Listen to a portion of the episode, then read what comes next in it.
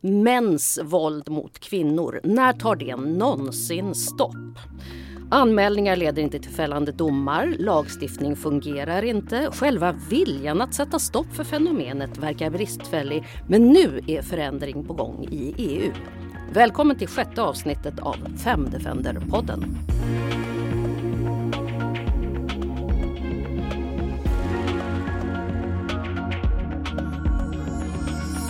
Ja, i våras drog sig Turkiet ur den så kallade Istanbulkonventionen som är det första juridiskt bindande avtalet någonsin om att avskaffa våld mot kvinnor i Europa.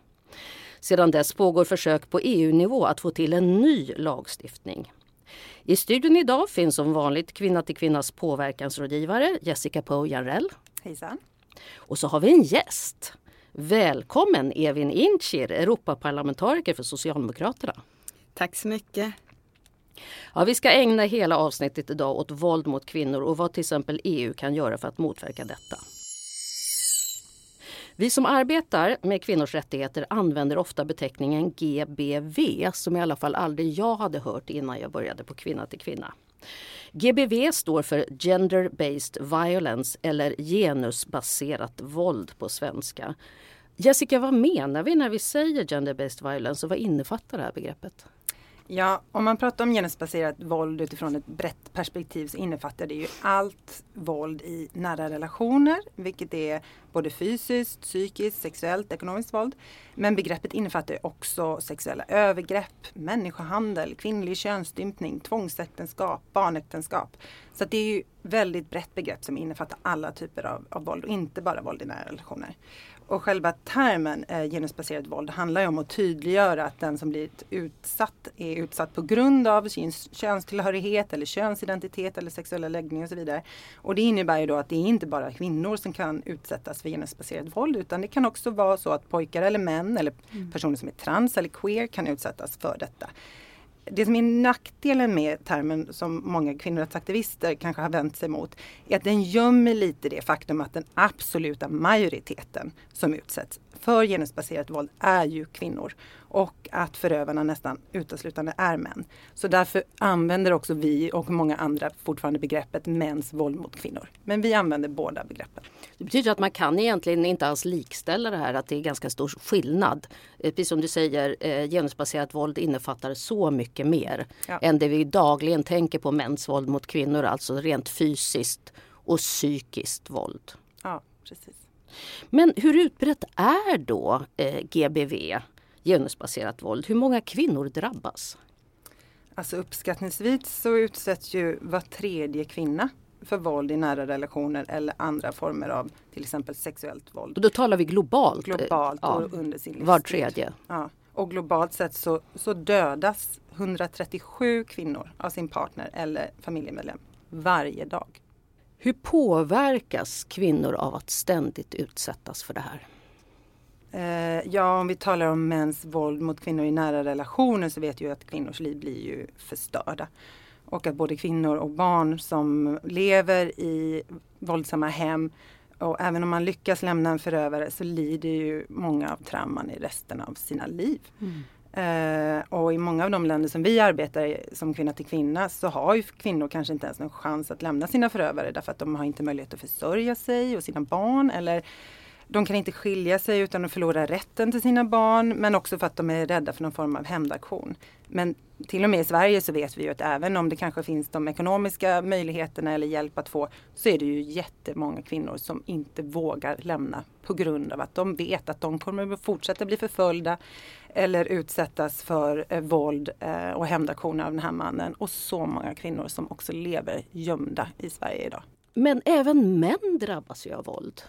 Men om man säger så här, eh, män utsätts inte alls i den grad av det här systematiska våldet som kvinnor utsätts för i sina hem, av sina partners och familjer runt om i världen för att kontrollera dem, deras liv, deras kroppar. Så det är det som är den stora skillnaden. Men självklart, all våldskultur är ju dåligt och det är ju ofta de här destruktiva maskulinitetsnormerna som får män att tro att det är okej okay, eller till och med ett tecken på manlighet att använda våld. Det är ju fruktansvärt dåligt för alla i samhället, inklusive kvinnor och män såklart. Evin, vad ser du att det här våldet har för påverkan på samhället? Nu talar vi om mäns våld mot kvinnor. Först och främst så tycker jag att eh, det är jätteviktigt att ha med oss att det grundar sig i en maktobalans mellan kvinnor och män och har sin grund i en eh, i en skev maktordning helt enkelt i samhället. Och därav också varför det är viktigt att prata om mäns våld mot kvinnor. Varför könsrelaterat våld faktiskt är synonymt med mäns våld mot kvinnor. För det är så att eh, de allra flesta förövarna är män och de allra flesta eh, offren är kvinnor. Det får ju stora samhälleliga konsekvenser. Dels på samhället men också på den enskilda individen som utsätts för det. På EU-nivå är det ganska intressant för när vi pratar om inskränkningar exempel, eh, exempelvis av den fria rörligheten för varor och tjänster, då eh, är, reagerar och agerar alla. Men när det kommer till kvinnor och flickor och barns möjlighet till att röra sig fritt och leva ett liv i frihet, ja men då har det hittills varit ganska tyst. Så jag tycker att eh, det är bra att debatten har väckts eh, och att vi nu förhoppningsvis eh, ser förslag på lagstiftning på bordet. Men om vi går till lagstiftning då mot genusbaserat våld ute i världen. Mm. Kan man säga någonting generellt? Det är ju, så att säga, världen är ju väldigt mm. stor. Vad, finns, finns det någonting man kan yttra sig om? Alltså man kan väl säga att det har hänt väldigt mycket framförallt under de sista 40 åren. Innan dess var det här egentligen inte någonting vi pratade så mycket om. Eh, och om man tittar tillbaka, om man ser på liksom en graf av vad som har hänt sedan 70-talet så kan man säga att i princip så har det gått från att nästan inga länder hade specifik lagstiftning på det här området till att cirka 130 länder har lagstiftning på detta området idag. Och de allra flesta lagar har till och med kommit på plats bara under de sista 20 åren. Så utifrån det perspektivet så har det ju varit en enorm framgång under de mm. sista decennierna med att få upp ögonen för det här. Men samtidigt så har vi ju fortfarande ett 50-tal länder som helt saknar lagstiftning på området. Och mycket kvar att göra för att det ska bli liksom verklighet av de här lagarna på många platser. Ser du på EU-nivå, Evin, hur det ser ut med lagstiftning? Blir det bättre eller sämre? Det finns ju ganska bra lagstiftning i de all, allra flesta medlemsländer. Problemet är ju implementeringen av, av den lagstiftningen. Och sen ser vi också parallellt med det att allt fler högernationalistiska och högerkonservativa partier kommer in och leder regeringar. Um, som exempelvis i Polen där, man, eh, där regeringen där Eh, börjar prata om att gå samma väg som Turkiet, alltså att dra sig ut ur Istanbulkonventionen. Och därav också varför EU måste börja agera. För det är inte så att eh, våldet mot eh, kvinnor, barn eh, har minskat utan snarare ökat, speciellt nu under pandemin. Men vad är då Polens argument för att dra sig ur det enda juridiskt bindande avtalet om våld mot kvinnor? Ja men det är synen på människan, det är synen på mänskliga fri och rättigheter. Det är synen på kvinnan. Att eh, en relation mellan en eh, man och kvinna eller en partner är en familjeangelägenhet. Och för mig handlar inte det om en familjeangelägenhet. All typ av våld är ett brott mot och det leder till att man, man kränker helt enkelt de personer som utsätts för våld. Um, man kränker deras mänskliga fri och rättigheter. Varifrån kommer den här argumentationen att, att våld i en familj skulle vara en familjeangelägenhet och inte eh, gå under den straffskala som alla andra våldsbrott går under? Ja, men det är ju en otroligt konservativ och förlegad syn som tyvärr har fått finnas kvar alldeles för länge i för många eh, delar av samhället och olika eh, delar av världen. Och vi har ju det problemet överallt. Alltså det är inte bara på det är inte bara i de länder där det, fin- där det saknas lagstiftning där det här är ett problem utan det här är ju ett problem i alla länder, i alla samhällen, i alla kulturer. Men Eh, vi ser ju att många länder går framåt och har en mer progressiv syn och verkligen förstår vikten av att kvinnor har rätt till sina mänskliga rättigheter. Men samtidigt finns det då de här eh, länderna där det verkligen till och med backar och där vi ser att framförallt högerpopulistiska kvinnofientliga partier liksom vill gå tillbaka till en situation där männen kontrollerar kvinnan och familjen och att detta ska vara en familjeangelägenhet. Men om jag lyssnar på dig så går det eh, så att säga mer åt rätt håll än vad det går åt fel håll. Det, är också din bild, Evin? Lagstiftningsmässigt ja, men när det kommer till um, kränkningar av av, eller när det kommer till våldet i sig så ser vi ju en ökning, speciellt nu under pandemin. Sen är ju lagstiftningen jätteviktig i form av att möjliggöra för de som blir utsatta för våld, i det här fallet kvinnor och flickor, att faktiskt vända sig till rättsväsendet. Eh, men sen gäller det ju just att implementeringen sker på rätt sätt. För att vänder man sig till polisen, säg, och eh, fallet inte leder Eh, vidare, eh, ja då kanske man tänker en andra gång innan man, man vänder sig till, eh, till polisen eller rättsväsendet ehm, nästa gång. Så att det är viktigt också att implementeringen sker på rätt sätt. Varför är det då så svårt att komma åt de här brotten? Även i Sverige där det finns en stor vilja att ta tag i problemet så leder ju väldigt få anmälningar till fällande domar. Hur ser du på det, eh, Evin? Finns det någonting annat man kan göra här eh, förutom att gå lagstiftningsvägen?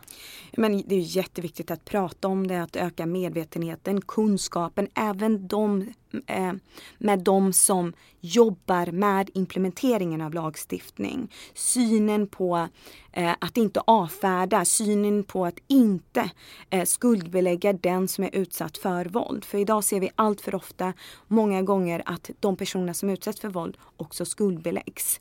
Eh, både av dem de vänder sig till i samhället men också av folk runt omkring. Det gäller att implementera. Finns det någonting annat man också skulle kunna gå på? Ja, men överhuvudtaget att komma åt det här, det handlar ju precis som Evin är inne på, det handlar ju om både att förändra normer långsiktigt, att vi verkligen diskuterar de här destruktiva maskulinitetsnormerna. Hur kommer det sig att pojkar och män växer upp och tror sig ha rätt att använda våld mot sin partner? Att tro sig ha rätt att kunna bestämma över en annan människas liv, deras kroppar och kontrollera dem. Det är ju självklart liksom en långsiktig eh, förändring i attityder som behöver ske. Så det är ju väldigt mycket förebyggande arbete som vi må, måste fortsätta att jobba med. Sen måste vi fortsätta jobba med att förbättra skyddet för våldsutsatta kvinnor. Att man vet att om man lämnar så ska man få möjlighet att ha skydd och inte behöva leva i rädsla för att bli hittad av sin förövare. Vi måste också säkerställa att rättsväsendet tar det här på allvar. Att det finns bättre kunskap i hela kedjan från liksom hur man blir bemött också på, på sjukhus, i vården, eh, hur, hur, polisen tar sig an det här och vad som händer i, i, inom domstolsväsendet. Allt det här behöver vi jobba på och jag tänker att eh, liksom Istanbulkonventionen har varit så mm. viktig för att den stärker alla de här delarna och skapar liksom en samsyn också bland fler länder kring hur vi ska jobba med alla de här delarna. Inte bara få till lagstiftning utan verkligen se till att alla de här delarna kommer på plats. Det är det som behöver hända. Och liksom när vi tänker på attityder som fortfarande finns kvar. Det är ju verkligen sorgligt. Eh, UNDP gjorde en undersökning förra året som visade att 30 procent av världens befolkning tycker fortfarande att män har rätt att slå sin partner.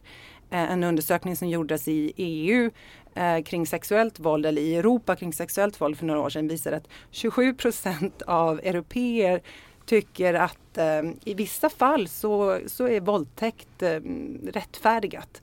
Eh, och i, i några europeiska länder som till exempel eh, Rumänien, Bulgarien och Ungern så tyckte alltså halva befolkningen att våldtäkt i vissa fall är försvarbart. Så vi har ju ett enormt jobb att göra med att förändra attityder och normer och synen på det här. Mm, UNDP betyder? Eh, alltså det är FNs eh, utvecklingsfond. Mm. Nej, jag såg också någon eh, undersökning från Demokratiska republiken Kongo där kvinnor ansåg att en man har lätt att, rätt att slå sin fru eh, ifall hon har bränt vid maten till exempel. Så att det är oerhört internaliserat uppenbarligen i samhället. Både män och kvinnor dras med de här normerna. Så är det. Jag skulle också gärna vilja lägga till en annan del också som just handlar om att man måste börja ta tag i det i väldigt tidig ålder. För vi pratar om mäns våld mot kvinnor men det börjar oftast med pojkars våld mot flickor. Och det börjar inte alltid med just våld i den bemärkelsen att det handlar om fysiskt våld utan andra typer av våld. Det kan vara psykolo psykologisk våld och i äldre dagar ekonomisk våld. Eh, så att det är viktigt att komma åt både från ung ålder att eh, jobba med attitydförändringar men också att ha en bred aspekt Eh, bred syn på vad våld faktiskt eh, innebär. Men går det att få in den här typen av åtgärder i lagstiftning? Det här måste ju vara överenskommelser vare sig det handlar om Istanbulkonventionen eller på EU-nivå. Hur, rent praktiskt, rent faktiskt, kan man komma åt det du talar om nu, Evert?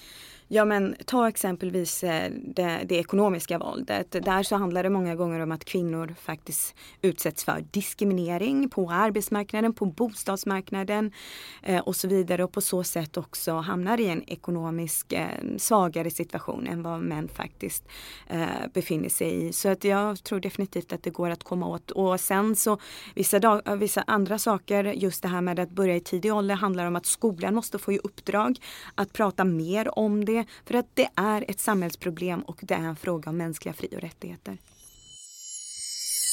Ja, du lyssnar på Femdefender-podden med vår gäst idag som är Europaparlamentariker för Socialdemokraterna, Evin Incir. Eh, vi ska prata lite mer ingående om Istanbulkonventionen som vi har varit inne här på flera gånger redan i podden som då alltså var, har varit det första juridiskt bindande avtalet för att avskaffa våld mot kvinnor. Varför är Istanbulkonventionen fortfarande så viktig? Ja men det är ju jätteviktigt just på grund av det vi har pratat om. Eh, det har hjälpt till att få till lagstiftning på plats i flera länder och att stärka upp lagstiftningen i flera länder. Och det är ju också till för att verkligen skapa den här samsynen kring hur vi tacklar genusbaserat våld. Och för att utveckla och stärka det här förebyggande arbetet, skyddet mot våldsutsatta kvinnor och eh, rättsväsendet. Mm. Och det behövs ju som vi har sagt mycket mer eh, arbete. Så att det här är superviktigt. Men det här är en konvention för europeiska länder, eller hur? Ja, det innefattar 47 medlemsländer, alltså de länderna som är medlemmar i Europarådet. Um, så det är en, uh, en konvention som faktiskt um, Um, ganska många länder har uh, signerat. Men vi har inom EU faktiskt sex medlemsländer som har valt att stå utanför. Ja, vilka Där, är de? Det är, nu ska vi se här, bland annat uh, Ungern tror jag det var, Bulgarien, Um, och sen kommer jag Tjeckien, Tjeckien också, Slovenien, Lettland och Litauen. Okej, okay. ja det var de länderna. eh, därav också varför vi börjar prata om lagstiftning på EU-nivå. När sex medlemsländer ställs utanför och ett sjätte då, eller en sjunde, eh, börja prata om eh, att dra sig ur så, så kan vi hamna i ett läge där vi har sju medlemsländer som faktiskt inte har ratificerat. Eh, och eh, på så sätt vore det väldigt bra att EU faktiskt hade en lagstiftning och eh, ett direktiv på EU-nivå. Så att de här sju länderna inte kommer undan. Ja, vad händer nu på EU-nivå? Eh, kan inte du berätta Evin om arbetet med den här nya lagstiftningen? Absolut. Eh, I eh, somras så mm, la vi fram från Europaparlamentets håll en så kallad ehm, eh, lagstiftande rapport eh, på initiativ av Europaparlamentet. Och de här lagstiftande rapporterna måste kommissionen reagera på till skillnad från andra rapporter. Um, och där som just fokuserar på att um, se till att bli av med det köns, eh, könsbaserade våldet i EU. Eh, och som en konsekvens av den rapporten som vi faktiskt la fram och som antogs av en majoritet av eh, parlamentet. Dessvärre hade vi svenska, två svenska partier som valde att rösta emot um, eller snarare inte rösta för, för de la ner sina röster, um, Sverigedemokraterna och Kristdemokraterna, men alla andra valde att rösta för den här rapporten. Men som en konsekvens av den här rapporten så gick faktiskt um, EU-kommissionär Helena Dalli med ansvar för jämlikhetsfrågorna väldigt snabbt ut och sa att nu kommer hon presentera förslag på direktiv och lagstiftning i detta området. Men en lagstiftning, är det så att säga konsensus i EU att den måste tas av alla medlemsländer? Om det innefattar, om det är en del av redan rådande lagstiftning som är EU-lagstiftning. Är det inte det, då behöver man inkludera det i EUs brottskatalog för att man då ska kunna jobba vidare på det. Så det hon tänker är att lägga fram ett direktiv som har sin utgångspunkt från redan rådande lagstiftning. Men också parallellt med det att lägga fram ett förslag på att göra ha, äh, äh, mäns våld mot kvinnor till ett hatbrott. Det inkluderar um, enhällighet i Europeiska rådet där regeringscheferna sitter.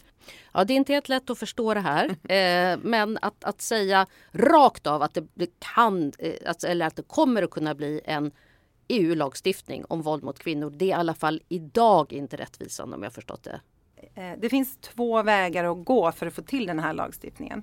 Det ena är att se till att den blir del av EU-fördraget och ingår i EU-fördragets brottskatalog. Det är mycket svårare att få till men vi ska absolut ta den kampen och försöka få det på plats. Det kräver dock enhällighet, så det finns ju stor risk där att medlemsstater kommer sätta sig emot.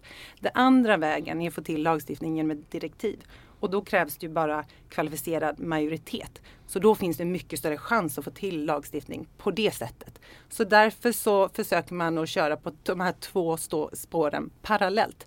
Så att åtminstone ett av alternativen kommer att bli verklighet. Men lagstiftning på något sätt kommer vi förhoppningsvis absolut kunna se. Ja, det krävs ju att det finns en majoritet eh, eller kvalificerad majoritet just för eh, förslagen som läggs fram. Um, även i de områdena där det inte behövs enhällighet. Uh, men det ser väldigt ljust ut och vi från parlamentets håll kommer ju fortsätta att driva på och trycka på. Men betyder det här att Istanbulkonventionen har spelat ut sin roll eller behövs den fortfarande? Nej, Istanbulkonventionen har absolut inte spelat ut sin roll utan den innefattar 47 medlemsländer, alltså medlemsländer från alla Eh, Europarådets ehm, medlemsstater. Medan vår lagstiftning handlar om eh, en, lagstiftning, en lagstiftning på EU-nivå. Ehm, och som sagt så är det sex av EUs medlemsländer som faktiskt inte har ratificerat Istanbulkonventionen. Och jag kan ju säga det att de här förslagen som vi från parlamentets håll har lagt fram och de förslagen som sen kommissionen har lagt fram är ju ett sätt att säkerställa att kvinnor, flickor och barn även i de här sex medlemsländerna som inte ratificerat Istanbulkonventionen faktiskt också skyddas. Så att man kan inte skylla på att det inte, man inte har ratificerat den. Så det är snarare att man stärker Istanbulkonventionen. Vad är din roll i det här arbetet? Jag har ju varit med och arbetat fram det här eh, förslaget, ehm, det eh, lagstiftningsrapporten som vi då la fram eh, Eh, för att trycka på EU-kommissionen att lägga fram lagstiftning på området. Så jag var den socialdemokratiska gruppens eh, förhandlare. Eh, och I parlamentet fungerar det så att alla utser en förhandlare, alla grupper då, partigrupper och sen så blir en person från en partigrupp ehm, huvudförhandlare. Men man förhandlar sen tillsammans. Så att jag var då Socialdemokraternas representant i förhandlingarna. Vilka andra eh, svenskar är aktiva? Malin Björk eh, och jag har ju jobbat väldigt mycket ihop. Eh, Malin Björk är då från Vänsterpartiet. Så det är vi två svenska socialdemokrater, eh, socialdemokrater, två svenska Europaparlamentariker som arbetar med dessa frågor väldigt aktivt och hands-on.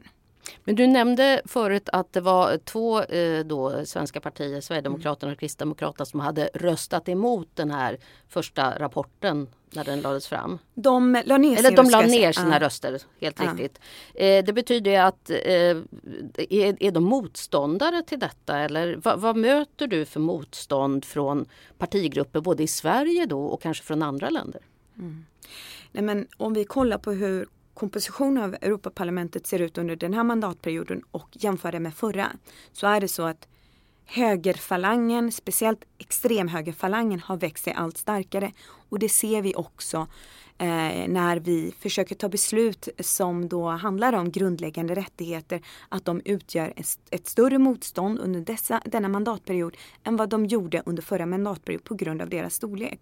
Och då ingår ju Sverigedemokraterna i en av de här eh, högerextrema grupperna. Det finns ju två, en som heter Identity and Democracy, den andra som heter eh, EC, EC, ECR. Um, ehm, och um, de två partigrupperna speciellt har konstant utgjort ett hinder.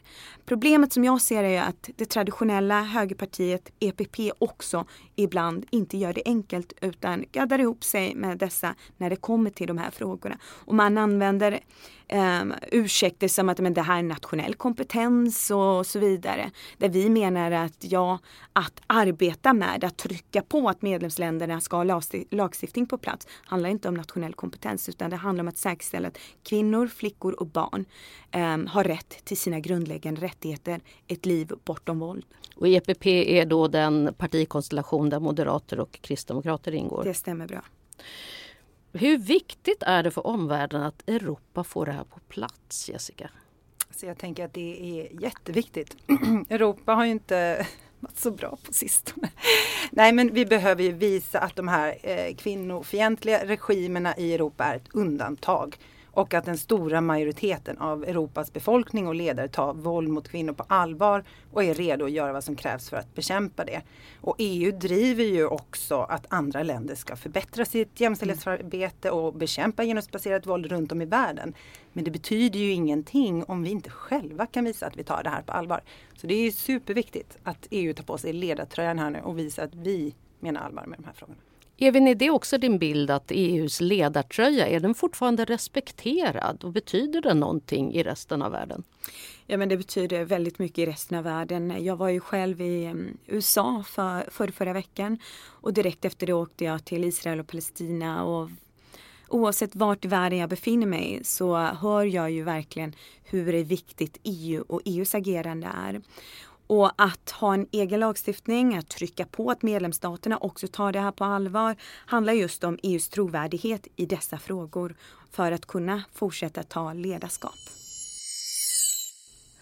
Ja, vi ska avrunda det här eh, ganska ska vi säga, utmanande avsnittet med att förstå eh, en möjlig ny EU-lagstiftning mot våld mot kvinnor med att utse som vanligt månadens feminist eller antifeminist. Jessica, ska du börja?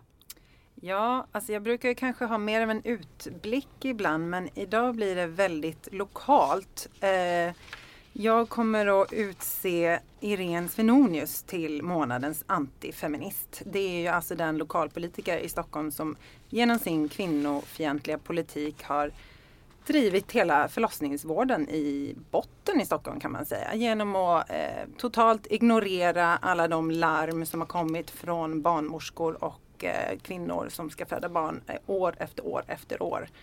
Eh, och låtit det komma till den här punkten nu där vi har en akut förlossningskris. Ja, det kan man verkligen fråga sig. Varför kan de aldrig eh, reda upp det här när det finns ett överskott då i eh, Region Stockholm på, jag vet inte om det var två miljarder eller något sånt där. Evin, har du någon antifeminist eller feminist? Ja, jag skulle också välja en antifeminist och eh, utse Sverigedemokraterna eh, till antifeminister. Eh, jag tror inte det är förvånande för någon, men speciellt den här senaste videoklippet som då de har lagt upp som då försöker porträttera kvinnor som inkompetenta att ta beslut. Vet du vad, Evin, jag har faktiskt precis också valt det klippet och har med mig det klippet för det har ju snurrat ett tag på eh, Sverigedemokraternas Youtube-kanal Riks och det här är från deras talkshow Sörman och Tina mm. där programledarna Rickard Sörman och Tina von Schinkel brottas med frågan Varför röstar kvinnor vänster? Jag tänker att vi lyssnar på dem. Mm. Ja. Varför röstar kvinnor vänster? Ja, och varför röstar inte kvinnor rätt? Jag har en idé vad som är vad som har hänt. Låt höra. Jag tror att retoriken från politikerna är fel. Den, den, är, för, den är inte anpassad efter kvinnor alltid. Nej. Man pratar i tunga, tråkiga ord som man får en att somna. Budget, budget, budget. Och det, kvinnor är ju, alltså säga vad man vill, men kvinnor är mer känslostyrda på något sätt tror jag ändå. Jo. Eller? Ja, jo, jag har märkt det. Nej, men, eh, på, på, olika sätt kanske. Varför röstar män höger? Jo, ehm, jag tror det är så enkelt att vi kan bara vända på det och säga. Ja. Män är mycket mer sakliga och de är mer, kanske lättare för kritiskt tänkande. Mm. Eh, de har genetiskt tror jag de har det i sig att ha ett kritiskt tänkande. Det var ju de som mm. skulle ut och kriga och, och, och jaga djur och få hem Men maten. kritiskt tänkande i allmänhet, alltså att man analyserar en situation, man köper inte narrativet mm. utan man tänker själv. Jag tror att det ligger genetiskt alltså, ja. helt enkelt. Mm. Och det är väl inte orimligt att tänka sig att män har genetiskt har utvecklat en förmåga att leda ett samhälle eh, snarare än vad kvinnor har gjort. Och män är ganska duktiga på att hitta ledare också. Att man vill gärna peka ut en ledare. Eh, kvinnor är mycket mer att ah, vi är tillsammans, vi är, vi är bästa tjejgänget. Vi hittar inte någon ledare sådär. Vi, vi, har inte samma behov av det. De, mm. Kvinnorna behöver hjälp. Mm. De behöver uppbackning i sin åsikt. Ja, nu, nu känner jag, nu, klipp, nu klipper jag här för här, här är verkligen bara alltså, Jag har ju tittat på hela det här avsnittet. Jag kan garantera att det här klippet inte är någon förvanskning för originalet är värre faktiskt. Mm. Jag tycker att de här båda kvalar in som månadens antifeminister och mm. de tar dessutom hem premiumklassen Årets mest korkade. Ja men verkligen så är det. Försök, och dessutom det de gör är ju faktiskt dels på, på, porträtterar man kvinnor som oförmögna att kunna ta beslut, oförmögna att leda. Men det leder också till ökad hat och hot och en legitimering av det, vilket är livsfarligt. Sen också att man porträtterar känslor som något dåligt. Um, och det är också uh, livsfarligt, både för kvinnor och män.